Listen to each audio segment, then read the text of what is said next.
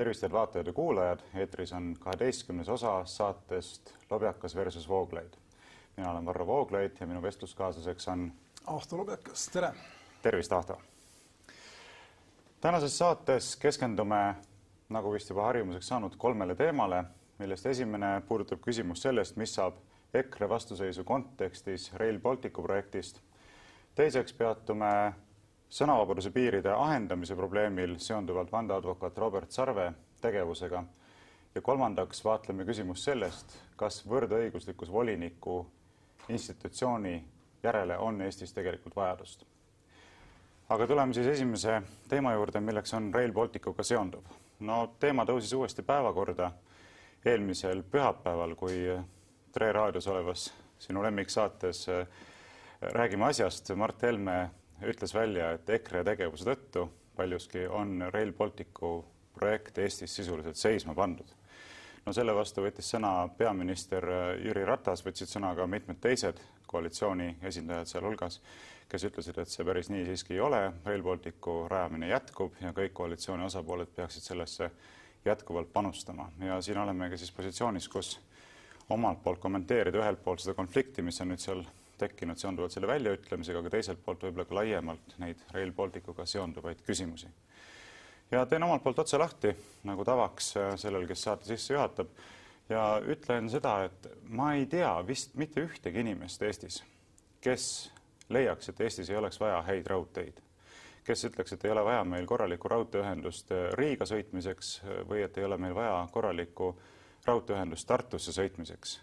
nii et küsimus minu meelest Rail Balticuga seonduvalt ei ole mitte niivõrd selles, kas Rail Balticut on vaja, vaid küsimus on pigem selles, millises vormis teda on vaja. mingisugused raudteeühendused, nagu öeldud, peavad nii või teisiti olema ja nüüd, mis puudutab seda EKRE juhi Mart Helme väljaütlemist, siis minu meelest on oluline meelde tuletada ka seda, mis on kirjutatud koalitsioonilepingusse, seal on ainult üks lause Rail Balticuga seonduvalt, kus on kirjutatud nõnda. juhul, kui Euroopa Liidu järgmise eelarveperioodi järgmine eelarveperiood ei taga Rail Balticu projekti ootuspärast kaheksakümne ühe protsendilist kaasrahastust, vaatame üle projekti tasuvuse, trassi, ajakava ning kohalikud peatused. seni jätkame ka tegevusi, mis toetavad Eesti taristut laiemalt. tsitaadi lõpp. ja rohkem mitte midagi Rail Balticu kohta kirjutatud ei olegi. nii et kui me nüüd püüame anda hinnangut Mart Helme väljaütlemisele, siis minu meelest tulebki vaadata kas need tingimused, millele siin koalitsioonilepingus on asutatud, on praeguseks hetkeks täidetud või mitte, muuhulgas ja ennekõike siis küsimusele sellest, kas on tagatud Euroopa Liidu kaasrahastus kaheksakümne ühe protsendi ulatuses järgmiseks eelarveperioodiks ja selles suhtes täielikult selgus praegusel hetkel puudub. jah, põhimõtteliselt, kui nüüd alustada otsast, siis see EKRE juhi avaldus tema enda raadiosaates, noh, see on Nõukogude Liidust pärit terminoloogiat kasutades on see katse lahingulist kuulsust omandada pärast kaklust rusikatega vehkides. EKRE-l ei ole selle raudteega või selle raudtee vastase liikumise ja meeleoluga suurt mingit pistmist.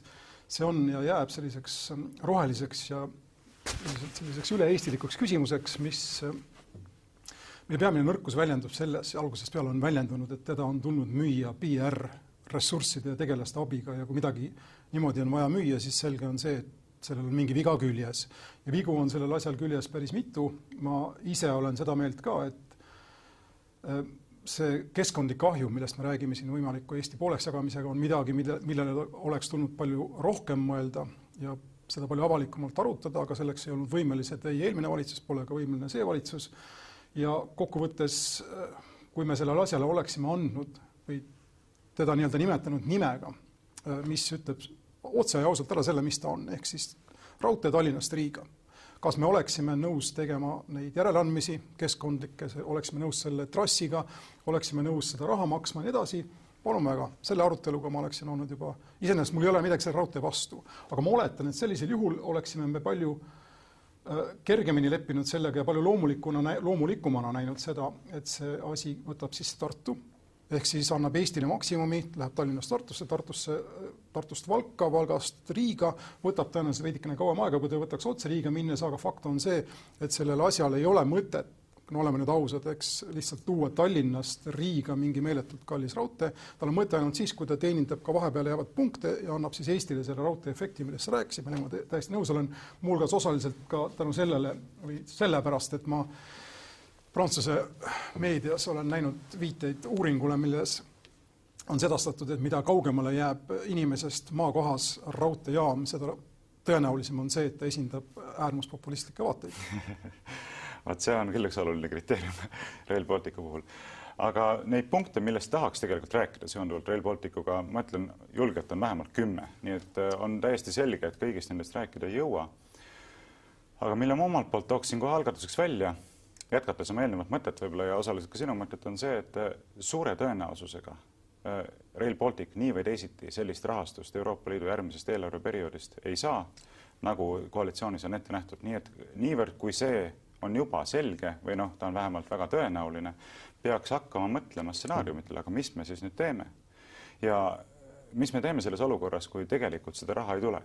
me oleme võtnud endale kahe tuhande seitsmeteistkümnendal aastal Rail Balticu projekti või seda lepingut ratifitseerides kohustuse ehitada Eestis välja see trass vastavalt kokkuleppele. samal ajal meil siiamaani ja ka, ja, ja ka sellel ajal, kui see leping ratifitseeriti, puudus ja puudub siiani, nagu öeldud, selgus, palju see asi reaalselt maksma läheb. mitte keegi ei tea. ja ma olen seda varem öelnud ja ma ütlen veel kord ja ilma tõesti liialdamata, et minu meelest parlamendi poolt selle lepingu ratifitseerimine sellises olukorras, kus mitte keegi nendest ei teadnud, mitte keegi siiani ka laiemalt ei tea, palju, millised rahalised kohustused sellega Eesti Vabariigile võetakse oli kuritegelik, see on sisuliselt kuritegelik käitumine ja ma usun, et see küsimus võib tulevikus täiesti reaalselt tõusetuda, et milline on nende inimeste vastutus, kes sellise kohustuse Eestile võtsid ja sellise rahalise häda kaela tõid, puhul, juhul, kui Euroopa Liidu poolne rahastamine kaheksakümne viie protsendi ulatuses, millele kogu aeg apelleeritakse, nagu see oleks fakt, langeb ära. ma toon korraks mõned numbrid välja. kaks tuhat seitse räägiti, et kogu Eesti osa maksumuseks on umbes pool miljardit eurot kaks tuhat üksteist räägiti, et see on üks koma üks miljardit eurot, kaks tuhat neliteist räägiti, et see on üks koma kolm miljardit eurot, nüüd räägitakse, et juba on üks koma seitse miljardit eurot ja ekspertidega, kellega ma rääkisin, ütlesid, et tegelikult kõik teavad, et alla kahe miljardi ei tule see mingil juhul. ja, sinna lisanduvad veel kohalike peatuste väljaehitamised, nii et siiamaani absoluutselt selgus puudub. Ja see on nüüd see kogumaksumus ja teine asi, mille osas selgus puudub, on see, kui suur osa sellest kogu maksumusest jääb Eesti maksumaksjate kanda ja kui palju jääb Euroopa Liidu toetuse kanda. nii et noh, ma ei tea, kas sa kujutaksid ette, et sa lähed näiteks maja ostma ja kirjutad lepingu alla ja ma ostan maja ära, aga tegelikult absoluutselt ei tea, et palju see maja sulle maksma läheb, kas ta läheb sulle maksma ma ei tea, kolmsada tuhat eurot, üheksasada tuhat eurot, poolteist miljonit eurot, eks lähtud eeldusest, et saad kolmesajaga kätte, aga võib-olla ei tule seda toetust, millele sa olid lootnud, siis läheb poolteist miljonit, eks. no ükski ratsionaalne subjekt sellisel viisil ei käituks, aga parlament, näed, Rail Balticuga seonduvalt on pidanud võimalikuks nii käituda. no ilmselt mina elan mõnevõrra teistsuguses maailmas kui sina, ma olen maja ostnud tegelikult teadmata, palju see mulle maksma läheb ja nii juhtub iga kasutatud objektiga, sa võid ju inspekteerida ja vaadata ja süveneda, palju sa tahad ja jaksad, aga lõppkokkuvõttes reaalsus või tegelikkus on ikkagi selline, et vältimatult ilmneb asju, mis vajavad hoolt ja tähelepanu ja ka kulutusi mm. -hmm. ja selles mõttes ma nagu saan noh, ka aru sellest, et edasimineva ajaga kõik need projektid üldiselt, mida kogemus ütleb ka suurprojektide kohta, on rusikareeglina see, eks, et nad lähevad lõppkokkuvõttes maksma vähemalt kaks korda rohkem, kui alguses eel, eelarvesse nii-öelda eelarvest eraldada, eraldada mõeldi nendele. räägime siin Inglise tunneli alusest kanalist või räägime mõnest muust projektist, kõik nad lähevad rohkem, rohkem maksma, sinna pole mitte midagi parata mis nüüd, milles ma sinuga nõus olen täiesti, on muidugi see, et äh, hetkel on selline periood ja ma ise olen mõelnud ka aasta või paar juba, et enne kui on selge, milline on see rahastamise aste või määr järgmises Euroopa Liidu eelarves kaks tuhat kakskümmend üks kuni kaks tuhat kakskümmend seitse, kui ma ei eksi, eks jookseb ta, äh, ei ole Eestil mõtet äh, noh, raha visata tuulde selles nagu lootuses, et see asi ära tuleb. Ja noh, oleks meil tavalised ajad siin ja oleks meil tavaline valitsus, vabandust, see oleks Reformierakonna valitsus, Reformierakonna volinik ja kõik oleks nagu aastal kaks tuhat neliteist, siis ma oletaksin, et see kõik jätkuks suhteliselt automaatselt, aga meil on ajad, eks, kus Euroopa Liidu majandus tõmbub kokku nagu ei kunagi varem, Euroopa Liit, vähemalt Euroopa Liidu ajaloos, eks, Suurbritannia lahkub, meil on jällegi noh, anna andeks, ei taha sind solvata, aga meil on siin parem populistlik lainetus väga tugev, eks, mis destabiliseerib poliitikat. Ja mina küll ei näe, et me võiksime lihtsalt nii-öelda puusalt eeldada, et tuleb ära see kaheksakümmend viis protsenti või mis iganes on selle kalkulatsiooni aluseks, eks ma pakun, et Brüssel noh, ütleme Euroopa Liidu poolsed läbirääkijad, komisjoni poolsed läbirääkijad, kui nad need otsuseid teevad, peavad hakkama kärpeid tegema, eks, mm. kasutada seda väljendit ja siiamaani ma pakun, et ükski Eesti Euroopa Liidu tundja ega Euroopa Liidu eest rääkija ei ole seda sõna kasutanud, aga noh, tänases olukorras fakt on see, et ilma läbi ei saada. ja ma arvan, et üks perifeerne projekt ühes perifeer-, perifeerses riigis, mis iseennast lisaks isoleerib, andke andeks, on üks esimesi asju, mis üle parda võib minna, eks siin on huvitav mõte, sulgudesse ma panen selle Siim Kallase mõtte sellest nädalast, et sel juhul tuleb meil varasem raha tagasi maksta.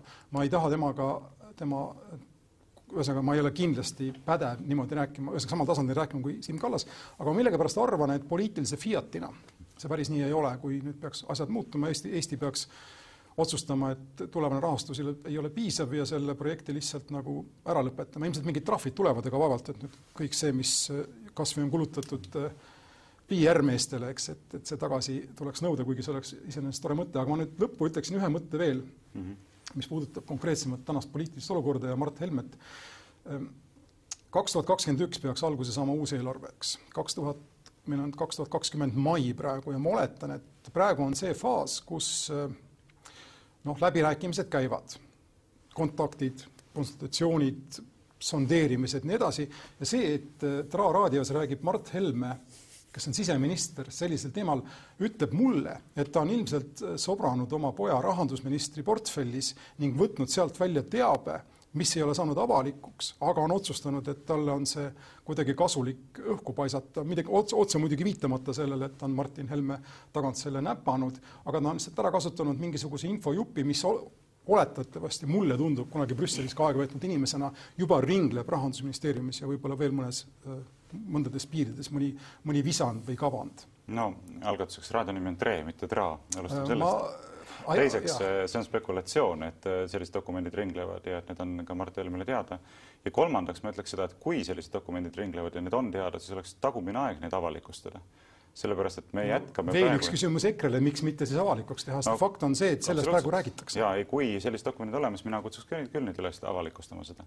sellepärast, et me raiskame ju praegu sellisel juhul metsikutes summades raha, kümneid ja sadu miljoneid raha mm projekti peale, mis on jätkusuutmatu. ta on no. täiesti selge, et kui Eesti ei saa Euroopa Liidu poolt seda kaheksakümne viie protsendilist toetust, siis selle väljaehitamine käib meil igal juhul üle jõu et.... siin on muidugi üks aga ja see aga on selles, eks, et siis, kui me oleme jõudnud sinnamaani, et Pärnusse läheb äh, raudteetamm, nagu praegu läheb Haapsalusse, eks, aga midagi enam peale ei tule, see on kuritegelik, sellega ma olen nõus. aga hetkel vähemalt seda noh, ütleme tagasipöördumatuid samme pole ju astutud, välja arvatud see raha, mis on raisatud mõttetutele inimestele, kes on PR inimesed, aga no see selleks.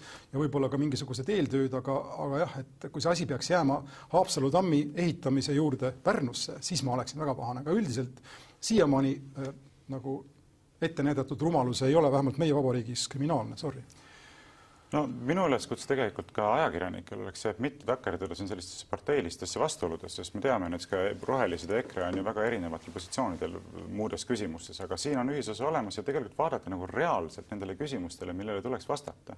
muuhulgas seonduvalt küsimuse, muuhulgas küsimusele sellest, mis seondub selle tasuvusanalüüsiga. sellele on ju nii palju kordi osutatud, et selles tasuvusanalüüsis on põhimõtteliselt kriminaalsed vead sees sa kasutad rääkinud... seda sõna väga lõdva randmega, see kriminaalne. no kriminaalne selles mõttes, et tekitatakse tohutut kahju ühiskonnale valeandmete teadliku järjepideva esitamisega kuritegelik, ütleks. no kuritegelik, ja ütleme kuritegelik, täpselt, mitte kriminaalne selles mõttes, et sellist koosseisu loomulikult karistusseadustikus ei ole, aga põhimõtteliselt on see teadlik ja tahtlik kahju tekitamine ühiskonnale kantud mingisugustest kildkondlikest huvidest ilmselt, noh. või ka on..., või ka sellisest tühja pea, tühja, tühjapäisest idealismist, mis ei mõtle lõpuni neid mõtteid. võib ka see olla, aga ma kahtlustan seda esimest, olulises osas vähemalt ja kui näiteks leedukad ja poolakad on ehitanud juba suure osa sellest raudteest välja olemasolevatele trassidele reaalselt toimivad raudteed on juba olemas, juba saab Kaunasest minu teada sõita äh, nendel välja ehitatud raudteedel äh, Berliini, siis meie räägime ikka mingisuguse uue trassi ehitamisest sellesse äh, tohutute kulutuste tegemisest ja kui see pooleli jääb, siis pole sellega absoluutselt mitte midagi peale hakata, see on kõige, kõige katastroofilisem selle juures, et kui me praegu renoveeriksime olemasolevaid trasse ja kogu projekt jääb pooleli, siis meil on ikkagi osaliselt renoveeritud olemasolev trass kui me hakkame uut ehitama, see jääb pooleli, no siis sellega pole absoluutselt üldse mitte midagi peale hakata nii et äh, terve rida küsimusi, mis äh, vajaksid eraldatud tähelepanu ja muuhulgas loomulikult küsimus sellest, et millised on need reaalsed keskkonnakahjud, mis selle trassi sellisel kujul väljaehitamisega seonduvad, nagu praegu planeeritakse. on ju olnud juttu ka sellest, et mitmes maakonnas saab näiteks kruus absoluutselt otsa, pole lihtsalt niisuguseid kruusakaevandusi, tuleb uusi hakata rajama, et see välja kaevata, sest see trass on lihtsalt niivõrd hiiglaslik. kuidas teisi projekte selle kõige kõrval ellu viia ja nii edasi, et minule küll meeldiks, kui siin oleks nüüd palju rohkem kriitilist tähelepanu meedia poolt sellele projektile. muu, viimane asi, mis ma nimetan, muuhulgas seonduvalt sellele, et väga palju olulisi dokumente on lihtsalt salastatud, lihtsalt salastatud, millega siis ametnikud ja selle projekti eestvedajad tegelikult väldivad omaenda isiklikku vastutust. jah äh,, ilmselt ka selle teema nüüd lõpetuseks ma ütlen paar mõtet lisaks siin see, ma kuulan sind ja suures osas ma olen nõus, ma kordan lihtsalt enda vaadet, et see asi oleks olnud mõistlik ja ka ma arvan, majanduslikult mõttekam ehitada olemasolevatele trassidele, võtta Tartu sisse ja Tartust läbi Valga olemasolevaid trasse mööda minna Riia poole. see lootus, et me hakkame siin läbi Soome või isegi Soome mingisugust, ütleme Norra põhjasadamate läbi Soome tooma kaupa võib-olla ka läbi tunneli, eks siin, mis annaks asjale esimesena mõtte, ilma tunnelita polegi suurt mõtet sellel transiidi mõttel, eks, mis siis läheks edasi, see kaup Riiga ja lõp-, lõpet-, lõpetaks kusagil Poolas või Slovakkias, no kellel on sinna saata kaupa Norra põhjaosast, minu jaoks on see absurdne mõte kõik algusest peale. Mm.. nüüd kuulates siin mulle tuli, tuli mõttesse, kerkis mõttesse üks väike selline variatsioon teemal kunagi, oli see ikka kunagi ütle-, oli kunagi selline ütlemine, et täidetakse Vene seadusi Saksa täpsusega, meil on nüüd äh, Vene projektid või Nõukogude projektid, mida Saksa põhjalikkusega üritatakse teha, isegi kui see lõpeb ära kusagil, äh, mis ta on siis seal Häädemeeste kohal, eks, kus piir jookseb. see tundub mulle küll, et äh, on praegu Eesti vaade asjale, noh eriti arvestades seda, mida me pole siin puudutanud, üht olulist asjaolu ja see on kolme Balti riigi võimetus koostööd teha, ka see Rail Balticu enda ühisettevõte on ju algusest peale olnud suurtes sisemistes raskustes puudub igasugune üksmeel ning minu jaoks on see kõige olulisem, ei ole ühtegi viimase kahekümne aasta või kolmekümne aasta jooksul olnud projekti, milles osalenuks kõik kolm Balti riiki, mis oleks olnud edukas.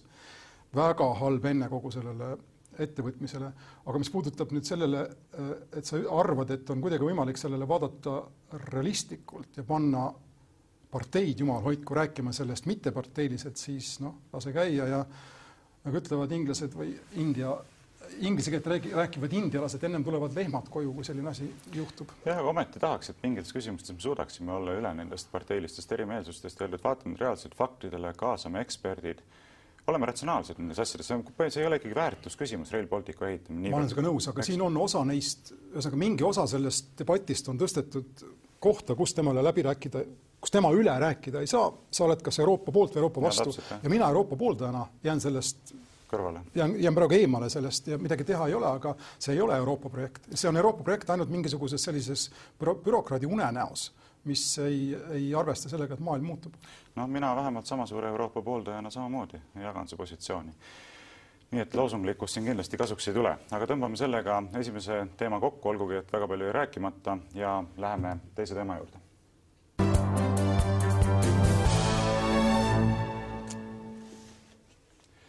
teine teema, nagu sai juba alguses välja käidud, seondub küsimusega sellest, et vandeadvokaat Robert Sarv on hakanud saatma laiali sadu nõudekirju erinevatele inimestele, kes on siis kas Facebookis või mõne portaali kommentaariumis kirjutanud kellegi kohta midagi sellist, mida tema ja tema esindatavad käsitlevad ebakohaste väärtushinnangutena. ja kuna on väljendatud nende arvates ebakohaseid väärtushinnanguid, siis on hakatud nõudma tuhandeid eurosid väidetava kahju hüvitamiseks ja minu huvi siin ei seisne niivõrd rääkida Robert Sarvest, kuivõrd sellest tendentsist, mis niisuguse tegevuse taustalt paistab. ja ma reservatsiooni korras ütlen alguseks ära, et mul on Robert Sarvega ka isiklik kana kitkuda, sellepärast et meie koos Markus Järviga ja Objektiiviga oleme ühed nendest, kelle vastu selline nõue on esitatud, nüüd juba kohtusse ka, aga sellest me täna siin ei räägi.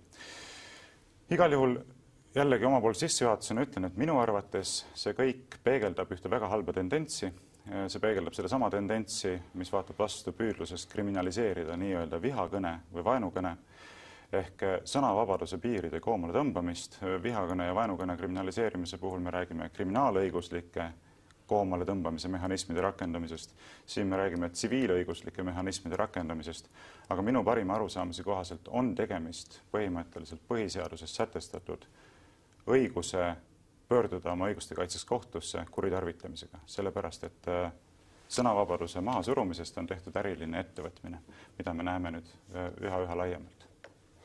ja ma, mul ütlen ausalt, ei ole selle asja suhtes mingisugust äh, sisse sündinud seisukohta otseselt. Robert Sarve nime ma kuulsin esimest korda kaks päeva tagasi, kui me saate teemasid arutasime. mis puudutab sellesse, kogu sellesse temaatikasse, siis mul on ühtepidi ma mõtlen USA-le mis on viimastel aastakümnetel muutunud väga litigatiivseks, kole sõna, aga põhimõtteliselt tähendab see seda, et igasuguse asjaga on võimalik kohtusse minna, õigust nõuda ja noh, see on ka põhjus siis, miks äh, kõikvõimalikud ettevõtmised, neid tuleb, ühesõnaga, et midagi üldse ette võtta, tuleb sõlmida lepingud, mis on maksimaalse täpsusega, kus on maksimaalse täpsusega paika pandud kõik võimalik, sest et vastasel juhul viiakse sind kohtusse, eks. samas Suurbritannias on väga vanad ja ma ütleksin, et kas need hästi või halvasti toimivad laimu seadused, mis on pikka aega lubanud inimestel enda väärikuse solvamise eest teise inimese kohtusse anda ja siis kohus otsustab. iseenesest nagu selles mõttes toimiv pretsedent on olemas, aga see muidugi nõuab stabiilset ühiskonda ja äh, ma arvan, et absoluutne sõnavabadus ei ole ühelegi ühiskonnale äh, päriselt talutav või vastuvõetav, ta lihtsalt söövitab, sööb seda seestpoolt, eks ma võin öelda kõike, mis mulle pähe tuleb, mingisuguseid norme ei ole, ma arvan, et näiteks uskliku inimesena või kristlasena sa saad teatud mõttes selles aru, sellest aru, sest et äh, vastasel juhul, kui mingeid norme ei ole, ei ole ka mingeid väärtusi, mida jagatakse ja põhimõtteliselt noh, küsimus on, miks me kõik laiali ei lähe. mis puudutab põhiseadust, aga siis noh, sa, sa nüüd tsiteerid ühte osa põhiseadusest, aga mulle turgatas pähe praegu tsensuuri mõte, mis on mulle nagu lähedasem küsimus. Ja olgu, põhiseaduses on kirjas, et tsensuuri Eestis ei ole, aga seal selles samas paragrahvis on kirjas, et näiteks avaliku kõlbluse või mis iganes see termin on, nimel võib rakendada piiranguid. ma oletan, et sellele solvamiskaasusele võib samamoodi siis rakendada erandeid, eks, et kedagi kohtusse niisama viia ei tohi, aga kui midagi on riivatud, mis on kõrgem või olulisem ühiskonnale kui, kui lihtsalt kellegi noh, ma ei oska öelda, tun-, tunne või enesetunne või mis iganes, eks, et siis sellega võib kohtusse minna. minu küsimus on rohkem selles, ma oletan sind kuulates ja kogu seda asja nagu kõrvalt vaadates, et Eesti seadused defineerivad äh, ebatäpselt siis või ei anna selget definitsiooni sellele, mis on lubatud ja mis ei ole lubatud inimese kohta öelda ja muuseas tsensuurist rääkides sel nädalal oli väga huvitav blogipostitus ka Priit Pulleritsult, kes ütles, et kooseluseaduse läbisurumise kõrgajal temal mitmel korral keelati sel teemal üldse kirjutada. ma mõtlen, et selle vastu nagu no, keegi kindlasti mitte Eesti Vabariik ei, mitte Eesti Vabariik, aga peavoolumeedia väljaanded. aga see ei ole tsensuur? ma lihtsalt mõtlesin selle peale, et no see on analoogia korras, et ütleme, kui aasta tagasi, kui sinu ja Vilja Kiisleri ümber tekkis see küsimus, eks ole, et Eestis on ajakirjandusvabadus ohus, olgugi et keegi ei keelanud teil ühestki teemast rääkida, siis kui me võrdleme seda Pulleritsi olukorraga, kellel konkreetselt keelati rääkida konkreetsel teemal, siis, siis seal ei rääkinud keegi midagi, aga see selleks. ma, kuna sa mainisid seda tsensuuri momenti, siis turgatas see meelde. aga tulles tagasi sinu poolt mainitu juurde, ma arvan, et selles ongi tera selles see probleemi iva seisnebki, et äh, sellised igasugused õigusnormid, mis seavad piire sõnavabaduse kasutamisele, ei tohi olla niivõrd laialivalguvad, et inimestel pole võimalik aru saada, kust lähevad aktsepteeritava sõnavabaduse piirid meie ühiskonnas. see on see probleem, mis on selle niinimetatud vihakõne keeluga, mitte keegi ei suuda defineerida, mida see vihakõne tähendab. aga sina suudad mulle öelda, mis täpselt on seaduses kirjas praegu? suudan küll, ma isegi võtsin sätted välja.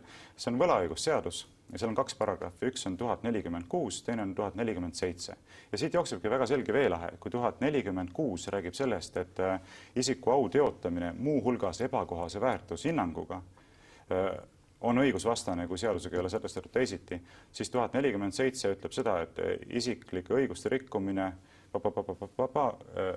ebaõigete andmete avaldamise kaudu on seadusvastane. ja need on kaks täiesti erinevat asja. see, mis on tuhat nelikümmend seitsmes sätestatud, et ma ei tohi näiteks öelda, ma ei tea, Ahto Lobekas on varas, eks, seepärast et see on faktiväide. või punapea äh, jah, see vist ei ole eriti siin au teotav isegi kui, kui see ei vasta. aga ühesõnaga, ma saan aru, aga, aga, aga ma ei saa öelda näiteks seda, et, et ma ei tea, see on korruptant või see on varas või see on, ma ei tea, seal vägistaja. tõestamata väljend.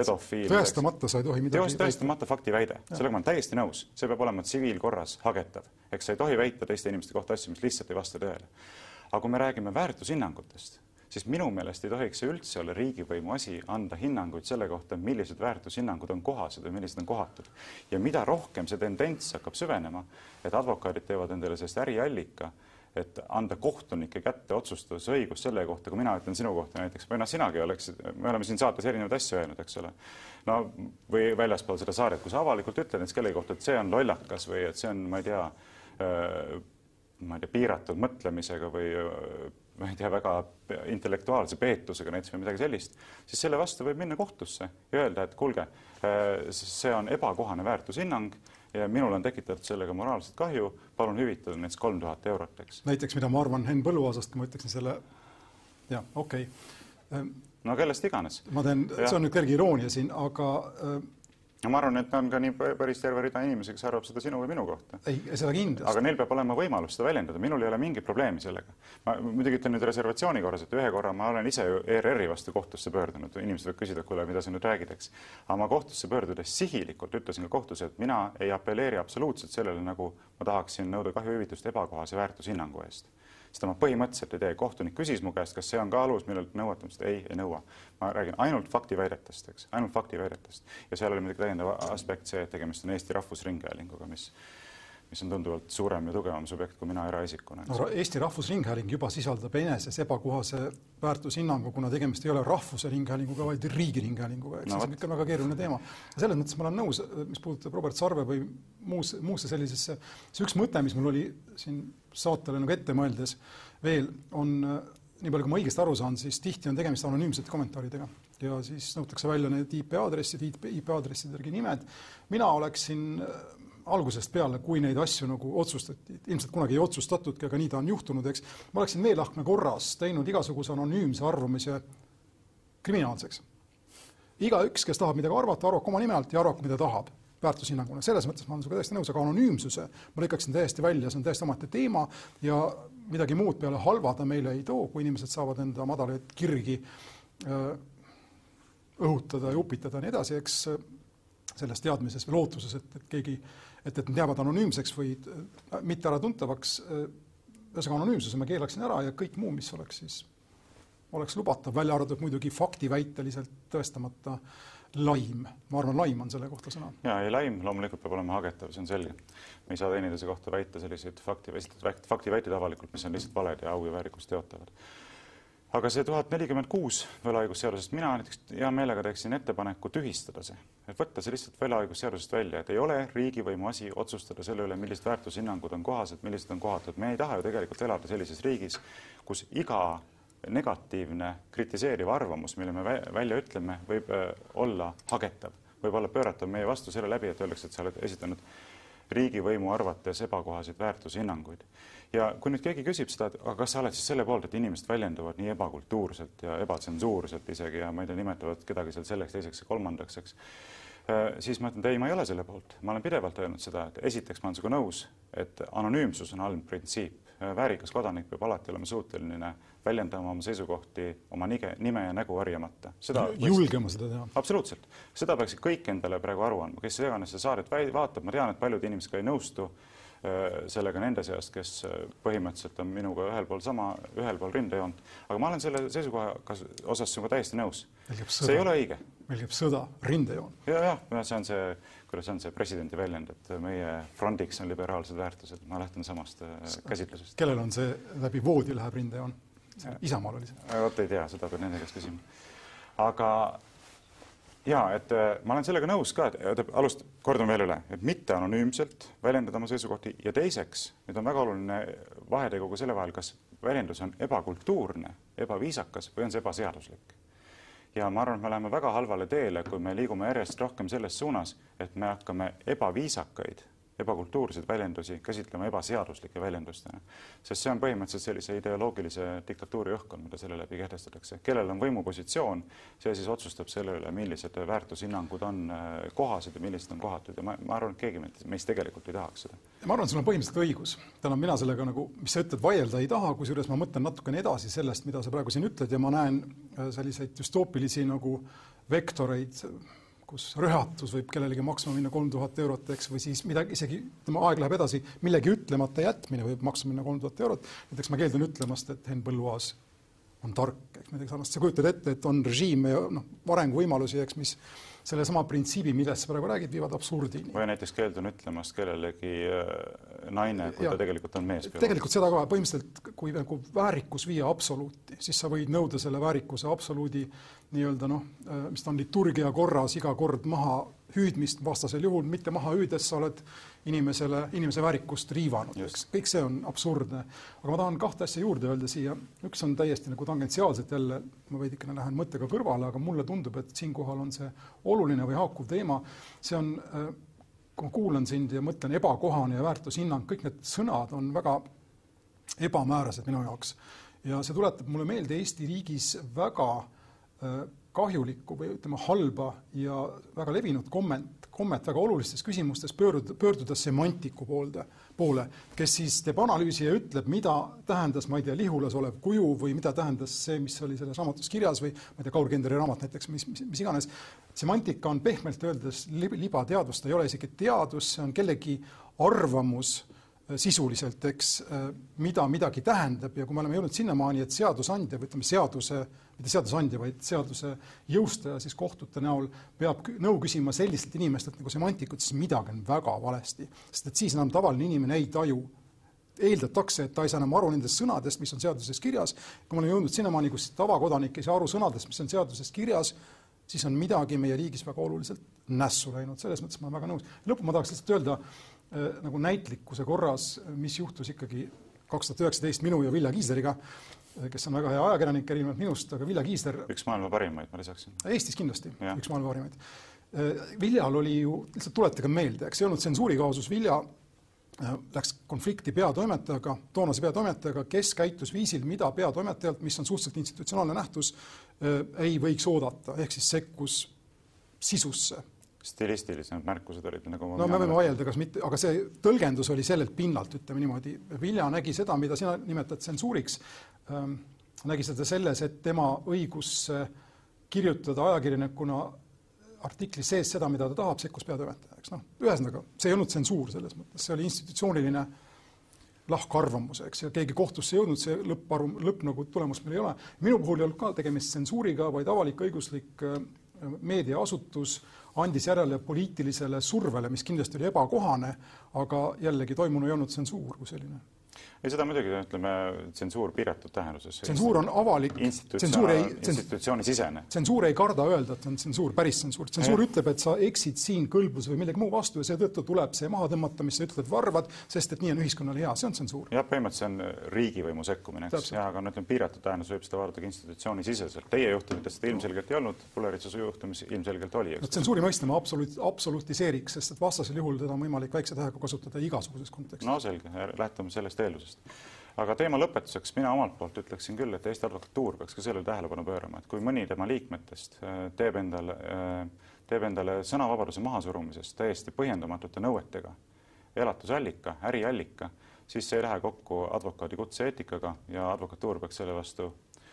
huvi üles näitama. teine asi, mida ma ütleksin, teised advokaadid, äh, kui mõni advokaatidest käitub sellisel viisil, siis teised advokaadid võiksid vastukäiguna öelda, et aga meie võtame siis enda nišiks selle, et me hakkame kaitsma sõnavabadust. nii et ma tean, et mõned sellised noored advokaadid juba on minuga ühendust võtnud ja ma loodan, et seda teevad veel rohkemad. mitte, et mina siin kuidagi keskse tähtsusega subjekt oleks, aga kuna ma olen selle teemaga tegelenud, siis minu soovitus on küll olnud see, et aga hakake samamoodi tegema endale äriallikat sellest, et kaitsta sõnavabadust, nagu keegi mõni teine teeb sellest äriallikat sõnavabadust maha suruda. no selles sõjas ma soovin sulle edu, kuigi ma ei tunne seda maailma, ütlen ausalt. aitäh. ja läheme kolmanda teema juurde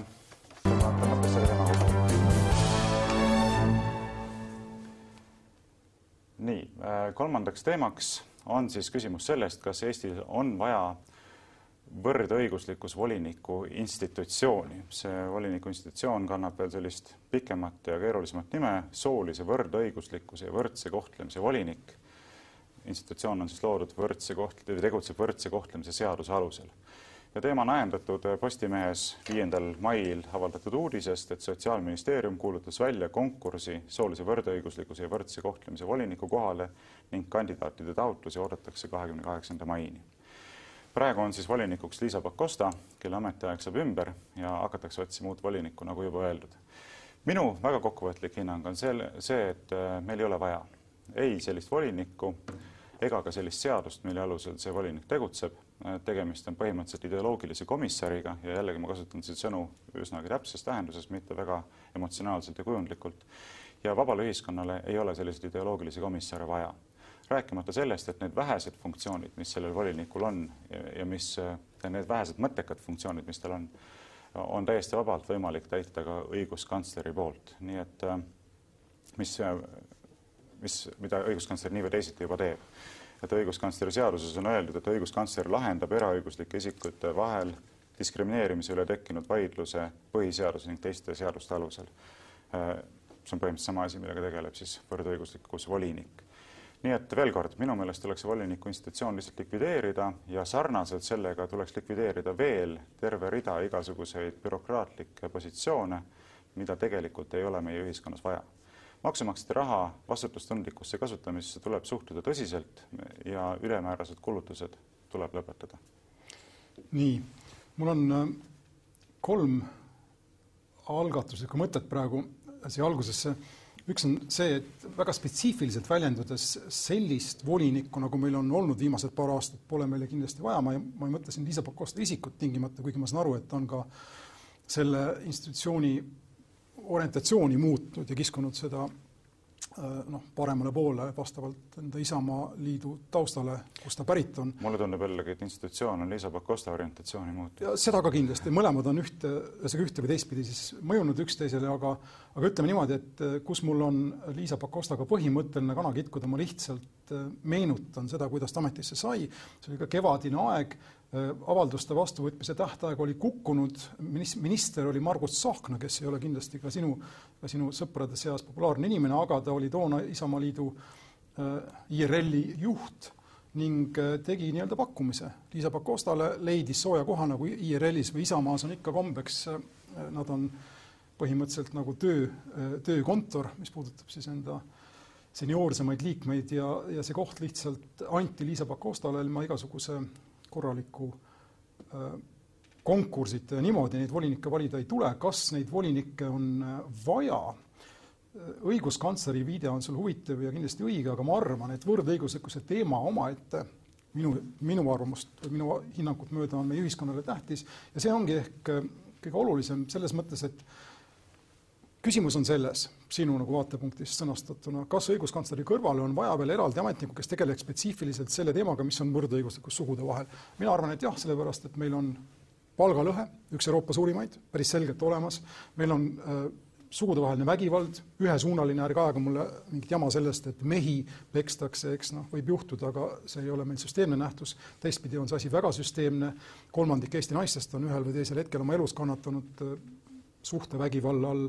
Ja ma lisaksin siia ka Eesti sellise tsivilisatsioonilise orientatsiooni, kui see on Põhjamaad, siis Soome, Rootsi, Norra, Taani on kõik selles asjas esirinnas ja kui me nendega tahame ühte sammu käia, siis äh, leppigem sellega, õppigem neilt, et äh, sugudevaheline võrdsus on üks väga oluline asi ja ta on väga oluline asi ühiskonna enesekaemuse jaoks ja kui sa ütled mulle, et ta ei ole oluline, siis mulle ütled sa sellesamaga, et sa ei hooli vastassoost sa muidugi ütled, et sa kindlasti hoolid vastassoost, aga ma ütleksin sulle, et sa ei hooli vastassoost siis nendes äh, konkreetsetes äh, mõõtmetes, mille ma olen siin lihtsalt möödaminnes üles tõstnud, eks neid on kindlasti rohkem, aga palgalõhe, suhtevägivald ja minu pärast ka siis naiste ligipääs võimule võib-olla.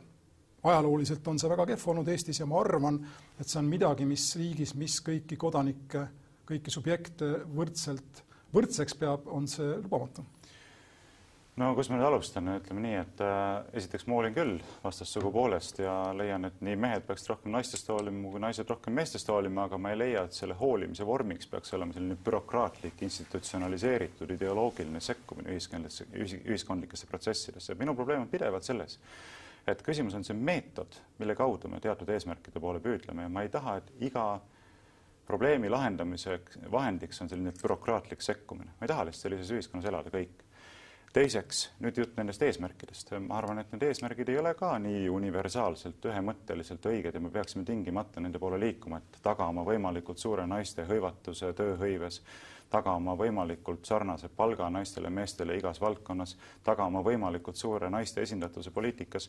ma ei leia, et peaksime tingimata nendest eesmärkidest lähtuma, nagu Põhjamaad seda on püüdnud teha. muuseas, mis Põhjamaadesse puutub, siis sama voliniku institutsioon on mingitel aegadel vähemalt, ma ei tea, palju praegu, mingitel aegadel olnud ulatuslikult rahastatud Norra riigi poolt, mis on minu meelest ka riiklikust vaatevinklist täiesti alandav lihtsalt. sest et Norra tuleb rahastama mingisugust ideoloogilise komisjoni institutsiooni selleks, et Eesti ühiskonnas viia ellu endale meelepärast ideoloogilist projekti või? aga kas ma tohin küsida, sulgudesse Euroopa Liit annab meile seitsme aasta jooksul, eelarveperioodi jooksul neli-viis miljardit, kas see ei ole alandav? see on kahtlemata alandav, kui selle eest äh, me peame vastutasuks äh, mingisugust ideoloogilist programmi ellu viima. kui me ehitame teid vastutasuks, kas see ei ole alandav, et need teed on ehitatud kellegi teise raha eest, kuna me ise ei suuda nende eest maksta? teatud mõttes on, teatud mõttes on ainuke asi on see, et Eesti annab iseenesest Euroopale vastu rohkem, kui Euroopa Liit annab meile, kui me vaatame nagu erinevaid, erinevaid karakteristikuid, aga see on ilmselt eraldi arutelu teema, eks. aga lihtsalt ütle mulle, mis sa mõtled selle all? no näiteks seda, et kuivõrd avatud meie turg on äh, Lääne-Euroopa põllumeestele, kes saavad kolm korda kõrgemaid toetusi kui meie põllumehed, eks nemad toovad rahulikult oma tooted meie turule, kus nad seda turustavad aga meie põllumehed saavad kolm korda väiksemaid toetusi ja tegelikult ei oma ju konkurentsivõimelist positsiooni selles osas. no see on no, kaks asja on siin segi läinud selles mõttes. Need ongi erinevad asjad. ega see makstakse Lääne põllumehele kinni, Lääne-Euroopa põllumehele kinni nagunii, mida ta teeb, see, kas ta müüb selle siin või ei müü, see on juba nii-öelda sekundaarne karakteristik, et iseenesest ta no, võib selle müüa ükskõik kuhu või isegi no, ära visata. on see, et müüb, eks, väga palju siin turul ja, ja teine fakt on see, et meie põllumeestel sinna turule on selle võrra raskem siseneda, aga ärme sinna võib-olla kinni jää praegu põhimõtteliselt ma arvan, et see on ebaväärikas, et riik peaks äh, mitte elama toetustest, täpselt samamoodi nagu kodanik peaks elama mitte toetustest, vaid äh, omaenda vahenditest. Aga oota, kus ma nüüd olingi ennem kui sa ütlesid põhimõtteliselt seda, et riik meil jõuab ära teha pool rehkendust ja täisrehkenduse ah, jaoks ta raha võtta, raha võtma ei peaks, mina sellega nõus ei ole no ütleme nii, me võime selle teema juurde tulla tagasi, ma tahaksin oma esialgse mõtte juurde tagasi tulla, sest minu jaoks see on praegusel hetkel olulisem. et me ei pea järgima neid samu eesmärke, mida Põhjamaad oma sotsialistliku programmi kaudu on juba aastakümneid järginud. me, meil ei ole mingit vajadust selle kohta, ma toon ühe näite näiteks.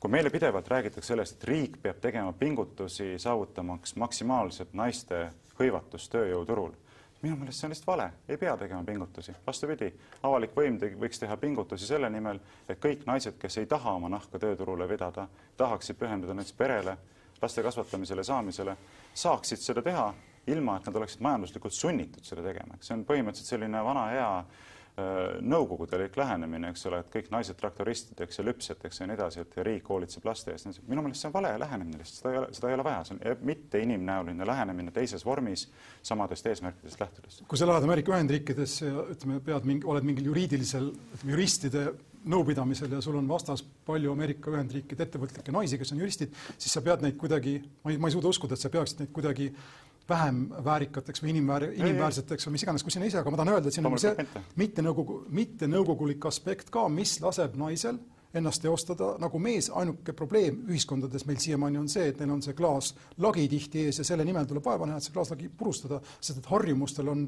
väga sügav jõud, eks mina näen selles mõttes funktsiooni ka võrdõigusvolinikul väga selge, et just selle klaaslae purustamise osas ma ei näe, et see oleks ideoloogiline.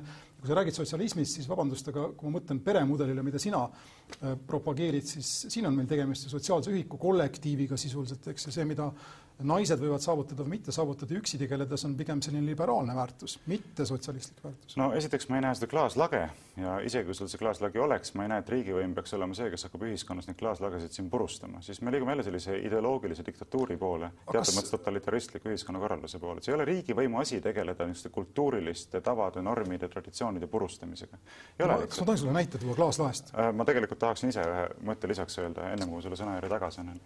Äh, ja ja siin paljuski aktualiseerub ka küsimus sellesama võrdõiguslikkus volinikuga. diskrimineerimise keelamine, diskrimineerimise vastu võitlemine on jällegi selline asi, mida minu meelest vabas ühiskonnas ei oleks vaja. riigivõim ei pea tegelema eraisikute vahelistes suhetes ettekirjutuste tegemise selle kohta, kellega ja millistel tingimustel nad võivad või ei või näiteks omavahelistesse lepingulistesse suhetesse astuda. kui mina olen ettevõtte omanik ja tahan palgata oma kollektiivi näiteks ainult meesterahvaid, siis mul võib, peab olema täiesti selline õigus palgata oma kollektiivi meesterahvaid. või kui ma tahan palgata ainult naisterahvaid, siis mul peab olema võimalus palgata ainult naisterahvaid, ilma et ma peaksin kogu aeg kartma, et mingisugune ideoloogiline komissar mulle turja kargab, hakkab ütlema, et ei, ei, ei, et nüüd sa oled rikkunud seda seadust, teist ja kolmandat. nii et mina sellises ühiskonnas elada ei taha ja see on ka osaliselt põhjus, miks ma ütlen, et sellist volinikku pole vaja, nüüd ma annan su sõna tagasi. nii, aga sa tahad, aga sa ikkagi tahad ju elada ühiskonnas, eks, kus näiteks sul ei ole õigust ettevõtjana palgata endale riideesemeid vorpima kaksteist tundi päevas laps, lapsi. mingisuguseid riigi sekkumise, riigi seatud jooni, piirjoone sa ju arvestad või respekteerid, eks. laps, tööjõud, ütleme, tööpäeva normaalne pikkus ja nii edasi. ma ei saa aru, miks sa naiste juures pidama jääd, sest tegemist on lihtsalt veel ühe riigi poolt seatud, võiks olla veel ühe, tegemist ühe riigi poolt seatud piiriga. no lepinguvabaduse põhimõttest rakendamist me räägime ikkagi täiskasvanud inimeste vahel, kellel me eeldame, et nad on vastutustundlikud ja vaba tahtega. seda küll, aga näiteks isegi kui ma tahan olla autojuht ütleme, pikama autojuht, ma ei tohi sõita rohkem kui kaheksa tundi, riik on selle piirangu paika pannud ja ma arvan, et sa arvad, isegi sina arvad, et see on mõistlik, selles, sellepärast et inimene väsib. nii edasi, neid piiranguid on veel, ma ei näe, et siin oleks tegemist mingisuguse kvali-, kvali-, kvalitatiivselt erineva teemaga, mis puudutab seda klaaslage, ma lihtsalt tahan öelda, sulle tuua illustratsiooni või näidata sulle, kus on täiesti olemas see klaaslagi, kus ta olemas olla ei tohiks ma ei, päriselt ei kriminaliseeriks seda, aga ma olen lähedal sellele, et öelda, et niisugune asi peaks olema keelatud. Need on inimesed, kes poliitilise autoriteedi positsioonilt ega mujalt räägivad kahekümne seitsme aastasest naisest, kes pole sünnitanud, kui koha raiskamisest. kui sa ütled mulle, et see ei ole klaaslagi, siis mis ta veel on? no see on juba mingite inimeste isiklik probleem. jaa, aga see, see on prevaleeriv meie poliitilises kultuuris täna, eriti selles tänases valitsuses ja inimesed põhimõtteliselt nagu seesama EKRE juhtkond, eks võtab seda kui ma ei tea, loodusest antud fakti, jumalast antud fakti ja see on juba jumala teotus. no ma ei absolutiseeriks konkreetsete isikute väljaütlemisi ja ütleks, et see mingi prevaleeriv positsioon on, küll aga ma ütleksin seda, et tegelikult Eesti Vabariigis ei pöörata juba ammu tähelepanu väga tõsistele soolise võrdõiguslikkuse probleemidele, kui sellele asjale nüüd ausameelselt läheneda. ma olen varemgi öelnud, mehed on kohustatud läbima kaitseväeteenistuse, naised mitte naistel on õigus täielik otsustada sündimata laste elu ja surma üle, meestel pole selles osas mitte midagi kaasa rääkida, nii et siin on, siis tuleks sellisel juhul vaadata asju juba mõlemalt poolt, aga nüüd on meie saateaeg läbi saanud ja kui sa soovid, võime nende teemade juurde naasta. aitäh teile vaatamast järjekordset saadet saatesarjast Lobekas versus Vooglaid, selline meie saade täna sai. kohtume uuesti järgmisel reedel, aitäh! tänan kuulamast ja vaatamast!